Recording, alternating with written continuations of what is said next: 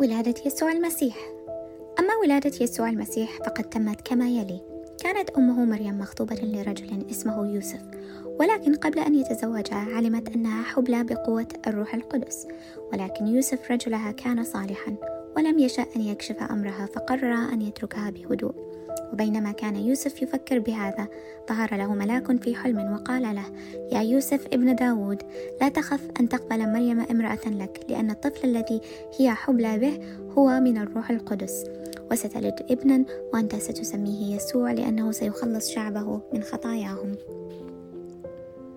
حدث هذا لكي يتم ما قاله الرب على لسان النبي.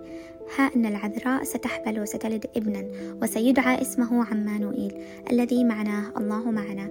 وعندما استيقظ يوسف من نومه عمل بكل ما أمره به ملاك الرب فأخذ امرأته إلى بيته لكنه لم يعرفها حتى ولدت الطفل الذي سماه يسوع.